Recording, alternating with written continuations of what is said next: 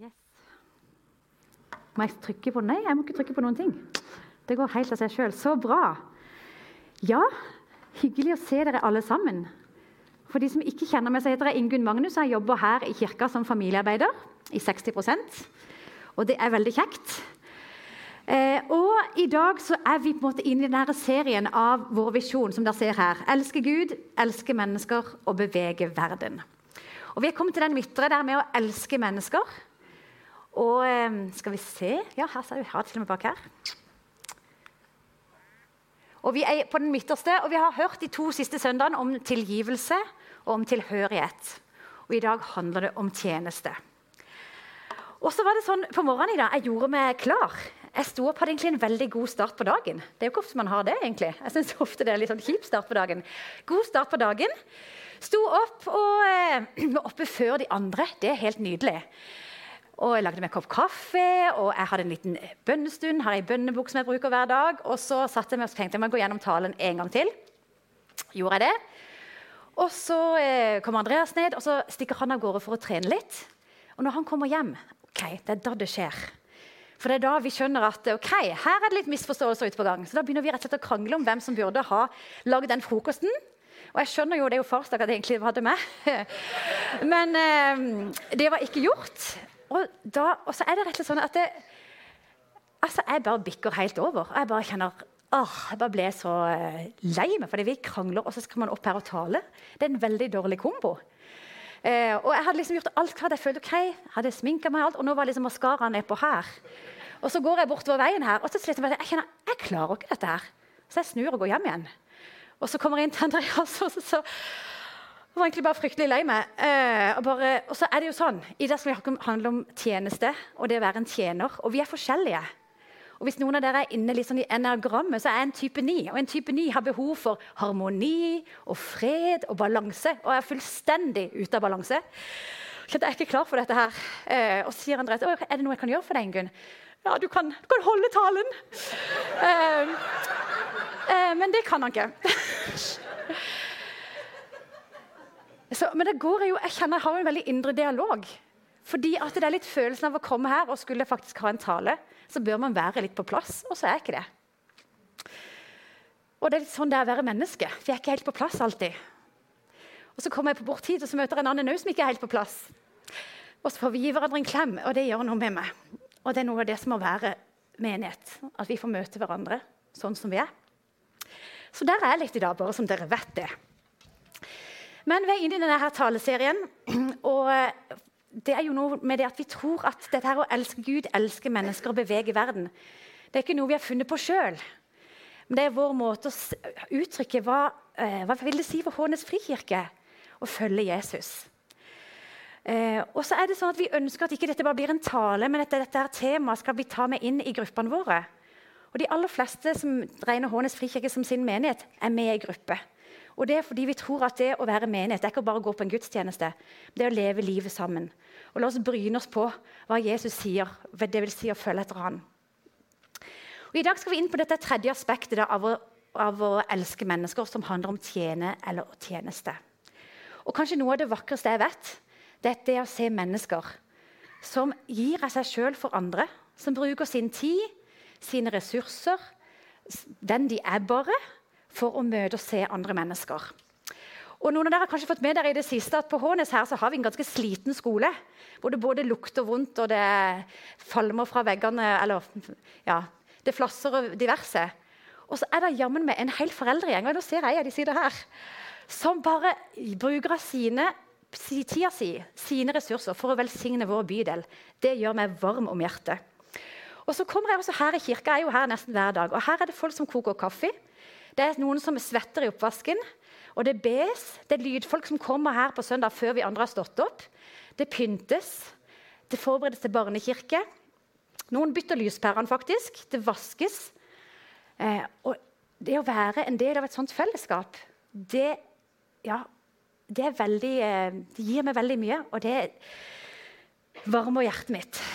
Men se, altså det som også er viktig, at vi, vi lever jo i en veldig individualistisk tid. Det er veldig stor frihet for oss som enkeltindivider. Vi setter det hva jeg ønsker av mitt liv. Det setter vi veldig høyt. Og det er mange muligheter til å skape sitt eget liv. Og så er det jo litt sånn at vi, Selv om vi søker nærhet og har lyst til å være nær hverandre, så blander vi oss veldig lite inn i, som, ja, i hverandres liv. Og Det å forplikte seg inn i et større fellesskap og i en gruppe eh, det er noe vi gjør mindre av nå enn det vi gjorde før. Eh, og Dette gjelder ikke bare i kirker. Hvis du spør i idrettslag, så sier de akkurat det samme. Og det har jo noe med dette Individualismens inntog har gjort at vi blir opp, mer opptatt av oss sjøl på både det gode, men også så har det en bakside. Og Vi ser på tall for ensomhet og for psykiske plager at det stiger i været. Og Det har faktisk kommet så langt at i Storbritannia i 2018 så utnevnte de en egen 'Minister of Loneliness', altså en ensomhetsminister. Og Hun uttalte dette her. For far too many people, loneliness is the sad reality of modern life. Eh, altså at For altfor mange mennesker så er ensomhet den triste realiteten av det moderne livet. Og Vi har også færre folk i livet vårt nå som vi regner som våre nærmeste, enn det man gjorde tidligere. Og Det gjelder både barn og voksne. Eh, og jeg Før jeg begynte å jobbe fullt her, så jobba jeg som familieterapeut i en av nabokommunene våre. Og jeg husker Det var flere ganger jeg satt med ungdommer eller med familier jeg tenkte at du hadde trengt en menighet. For de hadde ingen i sitt liv. Og jeg visste hva jeg hadde i dette fellesskapet her. Um, og det er ikke sånn i menighet i den forstand av å okay, bare komme på en gudstjeneste, men være et sted hvor det er mennesker som bryr seg, som har lyst til å høre på meg, og hvor jeg også kan være sårbar med den jeg er. Og Paradoksalt nok så har også sosiale medier gjort at vi er mer i kontakt med folk som vi sjelden møter, enn de vi faktisk bor i nærheten av. Og så kan det se ut som at det er ikke så veldig godt for vår psykiske helse. hvis vi skal se på forskninga på området. Men som kristne, som etterfølgere av Jesus, så var vi ikke ment til å leve alene. Eh, men vi må være klar over at vi preges av både samfunnet og kulturen som vi lever i. Eh, og at det for oss å overgi oss og gi oss til et fellesskap og si at her er jeg. Jeg er sammen med deg. Jeg vil stå sammen med dere i etterfølgelse av Jesus. Det kan være krevende også for oss som kaller oss kristne. Um, og jeg opplever en del ganger eh, Vi har jo familiegrupper her i kirka, og jeg er blitt spurt mange steder om å ha seminar om dette. og vi har, eller har hatt det litt, Og snakker om hva familiegruppe er. At det er familier som eh, forplikter seg til å møtes og til å bry seg om hverandre og hjelpe hverandre til å leve med Jesus i hverdagen. Og det er kjempemange som sier å, det virker fantastisk. Og så godt å ha noen rundt seg, kunne stå sammen med andre. Og virkelig ønsker på en måte fruktene av det arbeidet. Alt det gode. Men når det kommer til det å velge det, og faktisk gjøre det i praksis Velge da, annenhver fredag komme, være sammen med de andre. Eh, og la det ha en høy prioritet. Det er vanskelig for oss. Men jeg vil påstå det at en kristen kan ikke leve isolert fra andre. Vi var ment til å leve i fellesskap med hverandre. Og Det betyr at vi må tåle hverandre. Vi blir irritert på hverandre. Vi må tilgi hverandre. Vi blir slipt, vi blir, vi blir strukket. Og På mandag forrige uke eller denne uka her var det jo, så hadde vi eh, et ledermøte i familiearbeidet. Og vi har, eh, nå er vi liksom akkurat i starten av å lage sånn, et årshjul for hva vi ønsker. Hva skal det være, Hvordan skal det være for familier å være en del av Hånes frikirke? Og så ba vi sammen, og vi drømte. Og, eh, og, så var det en som sa at min drøm det er at vi kan leve med hverandre over tid. Tåle hverandres ulike sesonger og faser. Og jeg kjente, det, Ja, det drømmer jeg også om. At i dette fellesskapet så kan vi tåle hverandre over tid. Vi går i ulike faser, vi går i ulike, fas i ulike sesonger. Også når det kommer til hva vi gir inn. Um, men jeg tror at gjennom et værefellesskap, det å være sammen, være tett på hverandre, sånn som vi gjør i gruppene våre, og også gjennom et tjenestefellesskap, der vil Gud forme oss. Hvis vi lever isolert, så får ikke alltid Gud sjansen til å forme livene våre. Og så er det noe med Gud. da. Han har, han har tenkt at gjennom dette her fellesskapet så skal på en måte kirka bygges. Men det er også gjennom kirka at han blir synlig. Synlig for barna våre som vokser opp, og synlig også for de rundt oss som ikke kjenner Jesus helt enda. Og I Bibelen så finner du jo ingen solokristne. Eh, det gjør vi ikke. Men det å leve i forpliktende fellesskap det kan kanskje min generasjon og de litt over meg og de som kommer etter meg, oppleves som kanskje mer truende enn det generasjoner før oss har gjort. Men skal vi ta Bibelen på alvor, så kommer vi ikke unna det at Jesuslivet det leves i fellesskap med andre troende, hvor vi får tjene Gud sammen eh, og tjene Herren med glede, som det står om i Salme 100. Jeg synes Det er fascinerende når du leser Bibelen hva menighet er. Og når, eh, I fare for å repetere alt Yngve sa for et fire uker siden, anbefaler å høre talen om tilhørighet. Men altså, det virker som menighet ligger på Guds hjerte. Virkelig. Fordi det bare males ut bilder av hva menigheten er. er menigheten er bruden, og Jesus er brudgommen. Og Jesus sa, eh, 'Jeg er vintre, og dere er greinene'. Og et vintre det er ganske fascinerende hvis du ser på det. Det har ingen stamme. Jeg tenker jo veldig fort at okay, Hvis Jesus sier han er på en måte tre, eller han er selve treet, så er vi på en måte greinene ut fra han som en stamme. og så er vi greinene ut. Men på et vintre så finnes det ikke en stamme. Og Det betyr jo at det, hvis vi er greinene på treet, og da helheten av det treet, det er Jesus. Det er hvordan han, altså verden ser Jesus gjennom oss som er vintreet. Og så står det noen veldig kjente vers i 1. Korinterne 12 om at vi er som en kropp. Altså Noen er som et øye, noen er som et øre, andre er som en hånd, noen er som en fot. Og til sammen så blir vi kroppen. Og Vi skal lese noen av de versene sammen. 1. Korinterne 12, vers 14-22. For kroppen består ikke av én kroppsdel, men av mange.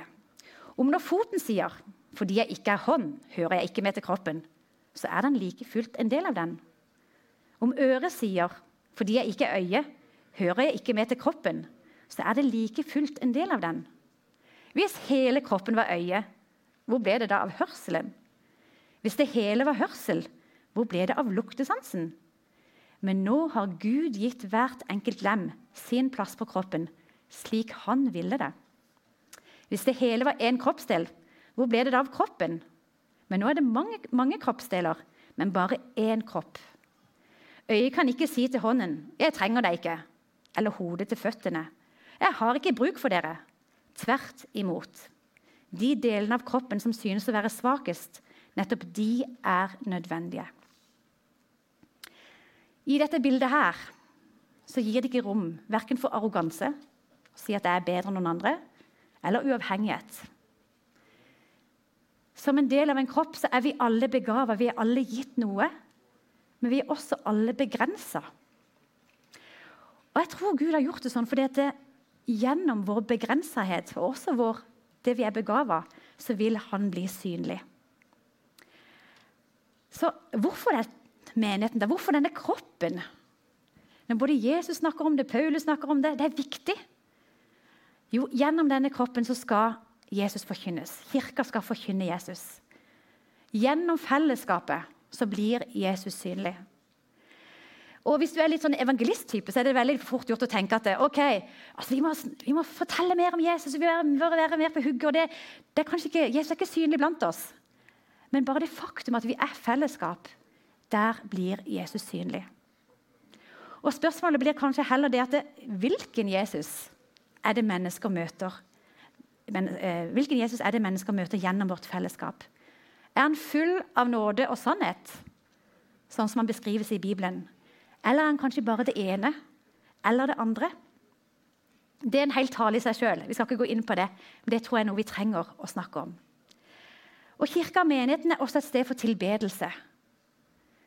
Det er fordi Jesus han skal være sentrum i våre liv, og vi trenger å hjelpe hverandre til å tilbe Han og la Han være nummer én.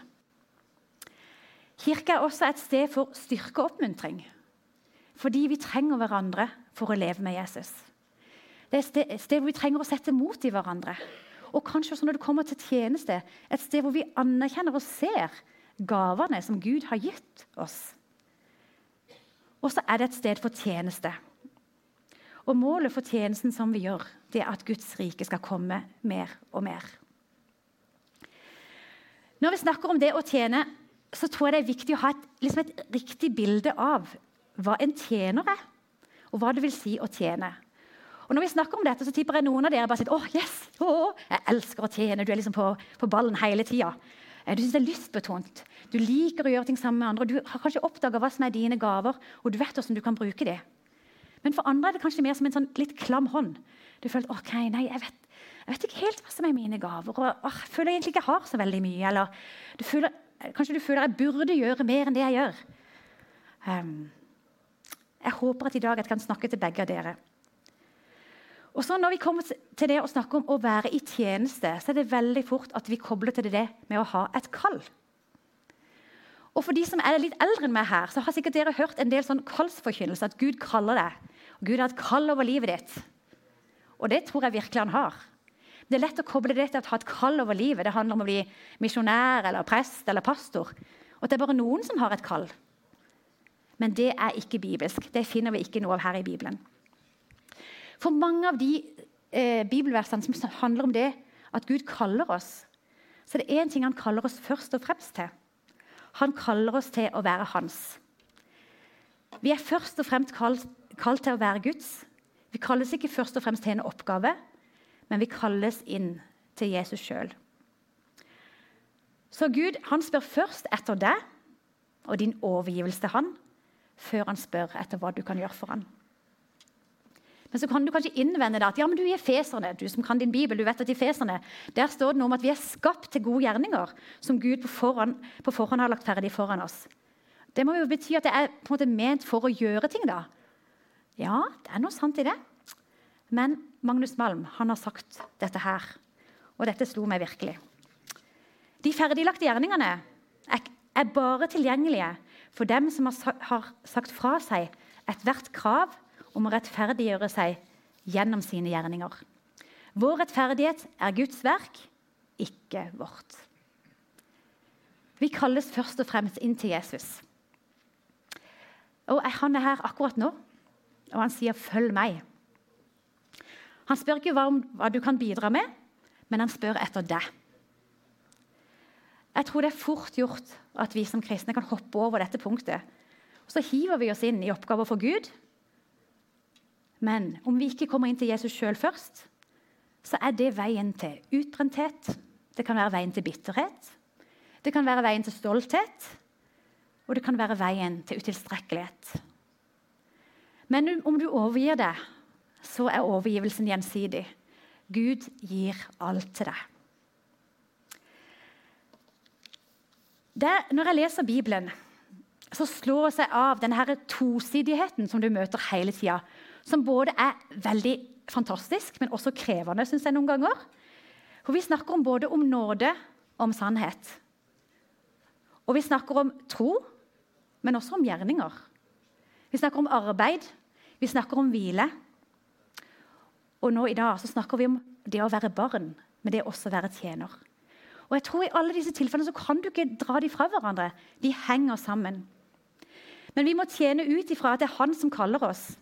Og det er ikke vi som skal hjelpe han. Og Mor Teresa hun sa følgende Jeg synes jeg har veldig mange bra sitater i dag, men de er skikkelig noe å tygge på. Det er veldig fint å kunne hente sitater fra folk som har sier ting enda bedre enn meg sjøl. Eh, Mor Teresa hun sa dette her. Vårt kall er ikke å arbeide for spedalske og døende. Vårt kall er å tilhøre Jesus. Fordi jeg tilhører ham, er arbeidet en måte å omsette min kjærlighet til ham i handling. Det er ikke et mål, men et middel. Og dette tenker jeg er helt grunnleggende når vi snakker om å tjene og det å være i tjeneste. Ok, Vi er kalt til Gud, men så sender han oss. Og han sender oss sammen med han.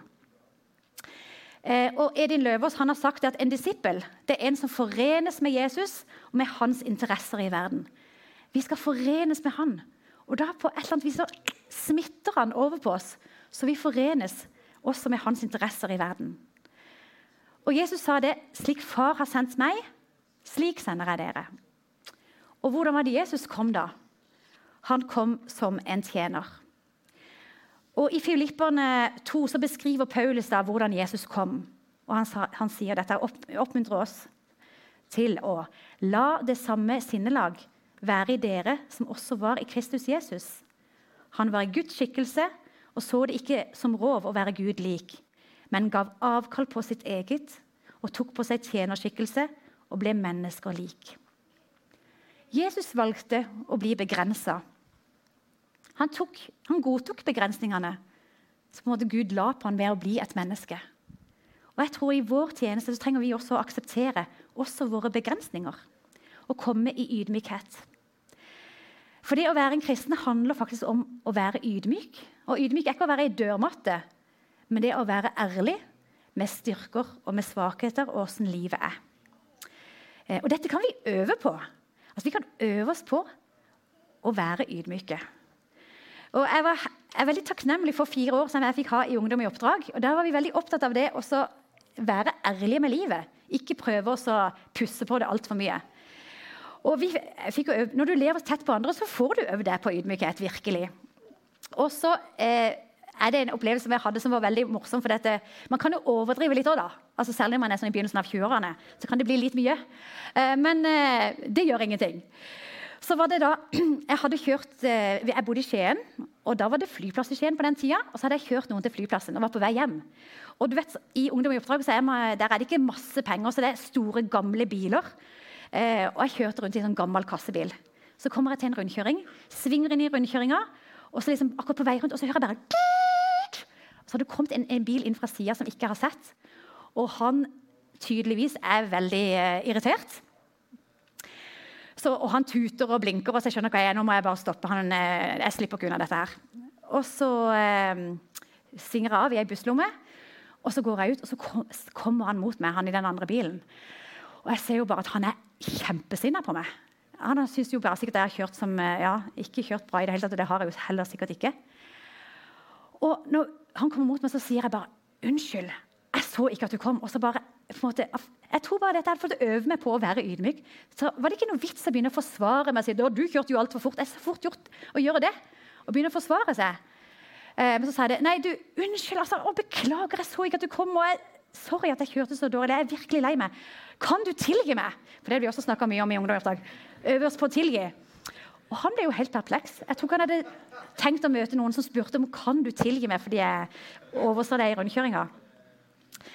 Men det var bare et lite eksempel på det at vi kan øve oss på å være ydmyke og ha Jesus sinnelag. Og det er noe med det at å være en leder i Guds rike, det er annerledes.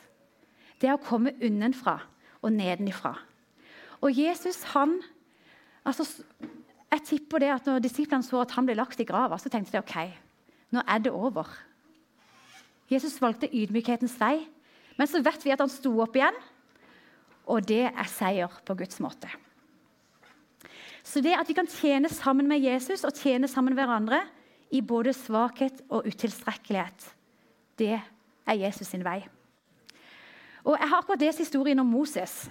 Jeg vil oppmuntre deg der til å gjøre det. Jeg hadde egentlig tenkt vi skulle gå gjennom den i dag, men da, da hadde vi vært der i to timer. så det kunne vi ikke gjøre.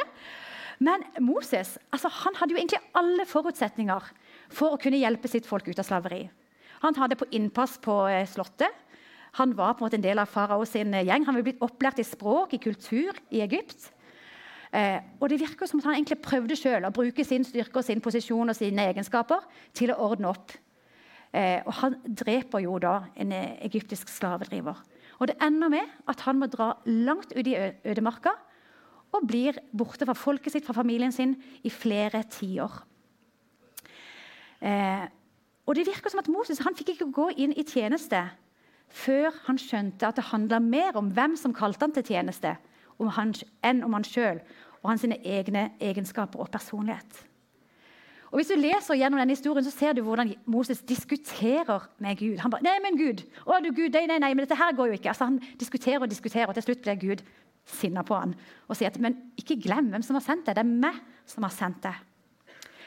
Og Det tror jeg er viktig for oss i det å tjene. At vi vet hvem som sender oss. Fordi at eh, Hvis vi vet det, så blir det ikke avhengig av meg og min utrustning, men det er avhengig av hvem han er.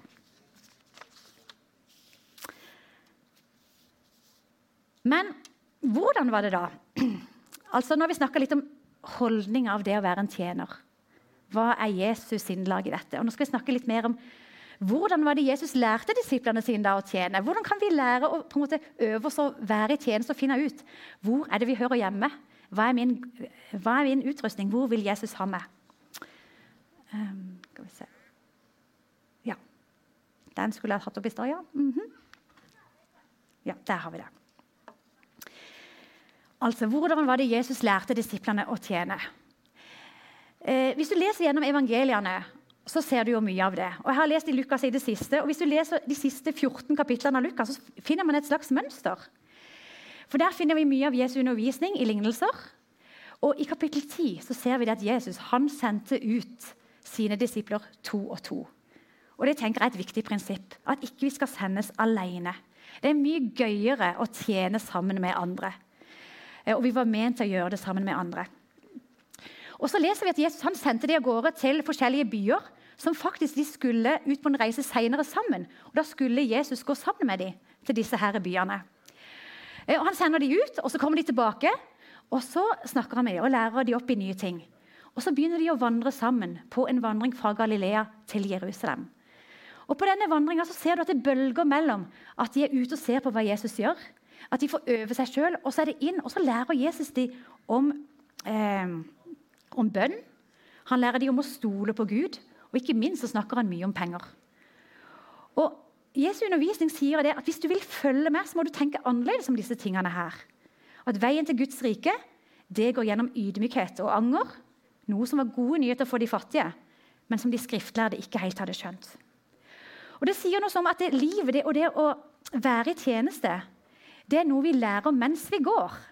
Vi trenger ikke å finne ut fullt ut liksom, å ja, jeg er enegram type 7, og så er jeg sånn utrustning, og så har jeg disse motivasjonsgavene, og jeg har nådegave til å være en apostel, eller hva det måtte være. Vi kan tjene Jesus mens vi går. Det tror jeg er et viktig prinsipp. For et skip i bevegelse det er mye lettere å styre. Og så tenker jeg som så at Gud han har skapt meg. Han kjenner meg. Han har lagt i meg evner og anlegg, styrker og begrensninger. Han kjenner fortida mi, han kjenner hvor jeg er såra. Han kjenner mulighetene mine, og han vet også hva som begrenser meg. Men så må jeg gjøre et valg da, og legge alt det der over på Gud. Legge det i hans hender. Fordi jeg er ikke fullkommen, men han jeg vandrer med. Han, Det er han det kommer an på. Så tror jeg heller ikke at Gud sender meg på tvers av all min lyst eller av evner og av brannen i hjertet mitt. Jeg tror at den han har formet meg til, at han ønsker å bruke det. Og I boka til Tonje Haugetostang, som sikkert flere har lest, som heter 'Trivsel og tjeneste', så siterer hun en som heter Bruce Bugby, som sier det. At hvis jeg får tjene Gud ut ifra og i pakt med det jeg brenner for, så vil jeg tjene med mer entusiasme. Hvis jeg får tjene Gud ut ifra og i pakt med min personlighet, så vil jeg tjene med mer frihet. Og hvis jeg får tjene ut ifra og i pakt med min nådegaveutrustning, så vil jeg tjene med større kompetanse. Jeg tror at Gud har gitt oss personlighet og, vi, og gitt oss den vi er. Men vi trenger å overgi oss til Han, og da vil Han tenne en brann i hjertet vårt.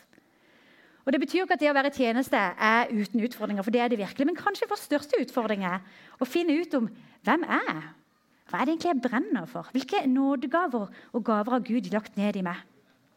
Og Dette er jo et stort emne. og Jeg har på en måte valgt å ikke gå inn i alt det i dag. Men eh, i bibelstudieopplegget som vi legger ut etter denne talen, som kan brukes i gruppene, og som dere som enkeltpersoner kan bruke så skal jeg legge ved noen eh, tips til gode bøker hvor du kan finne mer ut om det. For eh, som en Jesu etterfølger så sa jeg i stad at vi går gjennom ulike livsfaser. Det er ulike sesonger i livet vårt. Men jeg vil si at det normale for en Jesus-etterfølger det er å ha en eller annen form for tjeneste i fellesskapet der hun eller han tilhører. At vi skal få tjene med det vi har. Og at vi trenger både et værested og et tjenested. Skal vi se, jeg tror.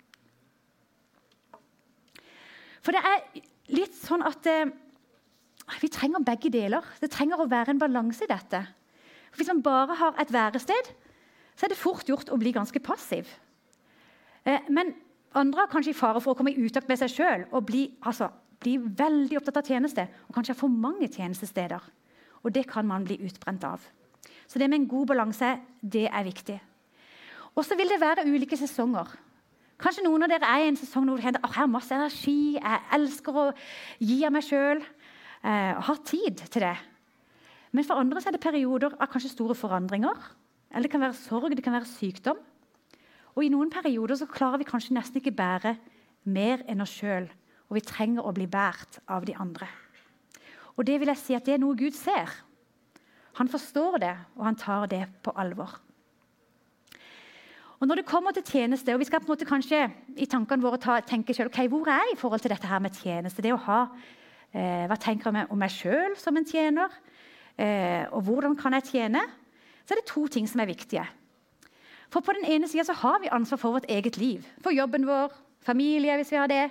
Altså, Vi har på en måte livet vårt, og det har vi ansvar for. Eh, og jeg tror Gud han forventer ikke noe vi ikke er i stand til. Men han, jeg tror heller ikke han velsigner hvis vi unnskylder oss og sier nei, eh, altså nedprioriterer det å ha en tjeneste, hvis ikke det er en reell årsak til det. Og På den andre sida har vi et felles ansvar, for vi er Kristi kropp. Det er ikke sånn at det er eh, ansatte eller eldste i en menighet som skal drive en menighet. og dette vet dere veldig godt. Er det mange som tjener inn. Men vi er alle en del av kroppen. Og vi har et felles ansvar for at den skal fungere. Og vi er ulike kroppsdeler som tilhører Jesus, og vi har hver vår bestemte funksjon. Og så kan det være lett kanskje å tenke at ja, men det virker jo som alt fungerer så bra, og de er så flinke på det, og det er lett å begynne å sammenligne seg. At jeg er jo ikke sånn som han eller ikke sånn som hun. Men Jesus han har en plass for hver enkelt av oss. Og jeg tror noen ganger så kan også noen av kroppsdelene begynne å overkompensere. Sånn at det er ikke så lett å få, for at det er synlig hva som egentlig trengs. Um, og jeg vet ikke når du hører dette, hva du tenker. Vi vet at i menighetene våre så kan en kanskje noen ganger føle at en bare må gjøre ting ut av plikt. Å, det trengs, og da gjør jeg det bare. At det kanskje ikke er ut av at det, dette er min gaveutrustning, eller dette trives jeg med. Og kanskje også du er her som har følt deg kanskje litt manipulert inn i oppgaver som ikke du var utrusta til, og det har blitt for store sko. Eller kanskje vi har mistrivdes i tjenesten fordi vi ikke har kjent oss sjøl så godt og vet hva som er vår utrustning. Eller kanskje ikke vi har turt å si nei hvis det er noe vi egentlig ikke tror vi skal. Jeg tror dette er ting vi trenger å snakke om, og det vil jeg bare utfordre til å ta inn i gruppene og snakke om disse tingene her. Da skal jeg gå mot en avslutning, og vi skal gå inn i noe som eh, noen veldig viktige vers i 1. Peter brev. Og som er sånn sentrale vers som vi ofte løfter fram når det handler om det å tjene og det å være i et fellesskap hvor vi tjener hverandre. Og Det er 1. Peter 4. og Jeg har valgt å ta det med litt lengre her for å se konteksten det står i. Det tror jeg faktisk er viktig. Der står det Slutten på alle ting er nær. Vær derfor sindige og edru, så dere kan be. Framfor alt skal dere elske hverandre inderlig for kjærligheten skjuler en mengde synder. Vær gjestfrie mot hverandre uten å klage. Tjen hverandre, hver og en, med den nådegave han har fått, som gode forvaltere av Guds mangfoldige nåde. Den som taler, skal se og tale som Guds ord. Og den som tjener, skal tjene med den styrke Gud gir. Slik skal Gud i ett og alt bli æret ved Jesus Kristus. Ham tilhører herligheten og makten i all evighet. Vi skal altså tjene hver og en av oss med den nådegave som Gud har gitt. Og Det ordet som brukes her på gresk, det, heter, det er karisma. Og vi er jo lett sånn, vi tenker ok, han har en karismatisk personlighet. Og, men faktisk så er ordet brukt om at alle, vi har alle en karisma. Vi har alle fått en gave. Og karisma betyr gratis gave, eller gratis nådegave. Så en del av den nåde som Gud gir, det er at Eh, han gir oss en eller annen form for utrustning. Og Det er noe alle har fått, ikke bare de vi tenker har en karismatisk eh, personlighet. Men vi kan oversette det med evner, talenter og kvaliteter som er gitt i skapelsen av Guds nåde. Så det handler litt om personligheten vår òg. Den grunntonen som er lagt ned i oss fra skapelsen av. Um, men i dette her verset så betyr ordet karisma ikke bare det. Um, ordet karisma Mm, skal vi se. Det kan også brukes mer som en sånn fellesnevner for bredden av det vi forbinder med nådegaver og med åndens utrustning. Så vi kunne faktisk lese dette verset på denne måten her. Tjen hverandre, Hver og en med den totale utrustning han eller hun har fått i skapelsen og i frelsen. Både personlighet og evner, som gode forvaltere av Guds mangfoldige nåde. Vi kan tjene, tjene hverandre så Gud blir synlig, gjennom den vi er. Gjennom personligheten som Gud har gitt oss. Og Et annet sted i Bibelen kan vi lese at Gud angrer ikke på sin nådegave. eller hvem, Han angrer ikke sin karisma, den han har skapt deg til å være. Så oppgaven vår blir da, hvis ikke du er veldig klar over det, eh, hva er det Gud har lagt ned i meg? Og Det er jo veldig spennende og det å begynne å utforske litt hvem jeg er. Og Det fins masse gode bøker om det er personlighetsanalyser eller om det er nådegave, altså nådegavebøker og forskjellige ting som vi kan utforske og finne mer ut av hvor vi er og hva vi kan tjene med. Og jeg tror at For å komme tilbake til dette med den individualistiske, individualistiske kulturen som vi lever i, så er vi kalt til å være en form for motkultur. Hvor vi lever sammen i overgivelse til hverandre, så Jesus kan bli synlig, og hans kjærlighet kan bli synlig for mennesker rundt oss. Så kallet, kallet vårt er ikke til først og fremst til en oppgave, men det er til Kristus sjøl. Og når vi ser mer av hvem han er, så skjer det noe med oss. Da tennes det en gnist. Og vi sendes ut sammen. Vi prøver, vi feiler. Men målet er at Jesus sin kropp skal bygges på jorda, og at Jesus skal bli mer synlig og mer tilgjengelig for enda, enda flere. Og Jeg ønsker å avslutte der og ønsker å avslutte også med en liten utfordring. For du er kanskje her som har gitt litt opp. Tenker, åh, jeg finner ikke helt min plass. Og Det finnes så mange andre som er så flinke. Du ser ikke helt hvordan du kan finne ditt sted. Jeg vil oppmuntre deg til å kanskje gå og snakke med noen. Og Det vil være, vil det være mulig å få eh, forbund òg her i dag. Jeg vil oppmuntre deg, Hvis du kjenner det er det, ikke la det bare gå forbi. Så er du kanskje her som kjenner at oh, jo, jeg har noe, oh, du kjenner at det begynner å brenne, det kribler. Eh, men du vet ikke helt hvor du skal få lov å tjene. Um, la Gud få lede deg, og snakk med andre om det. Og så vil jeg også oppmuntre gruppene til å tørre å snakke ærlig og sant om det å være en tjener og det å være i tjeneste. Um, nå skal vi ha nattverd, men jeg har lyst til å be. Jeg tror jeg ber litt. Ja. Kjære, gode Jesus. Jesus, jeg takker deg for at du er vårt forbilde i å tjene. Takk at du kom med en tjenende holdning, Jesus. Og eh, vi lengter etter å følge deg eh, der hvor du leder oss. Og far, Du ser hver enkelt av oss der hvor vi er, Jesus. Du ser av de av oss som kanskje bare, bare har tjenersted og bare gir ut av egen maskin. Og vi trenger kanskje å koble oss på det og ha et værested. Må du vise oss veien. Så er det de andre av oss som kanskje ikke kjenner at Finn dere min plass. Jesus, jeg takker deg for at du vil også vise veien der. La oss få lov til å tjene deg av et helt hjerte og hjelpe oss sammen til å gi deg ære gjennom vår tjeneste. Amen.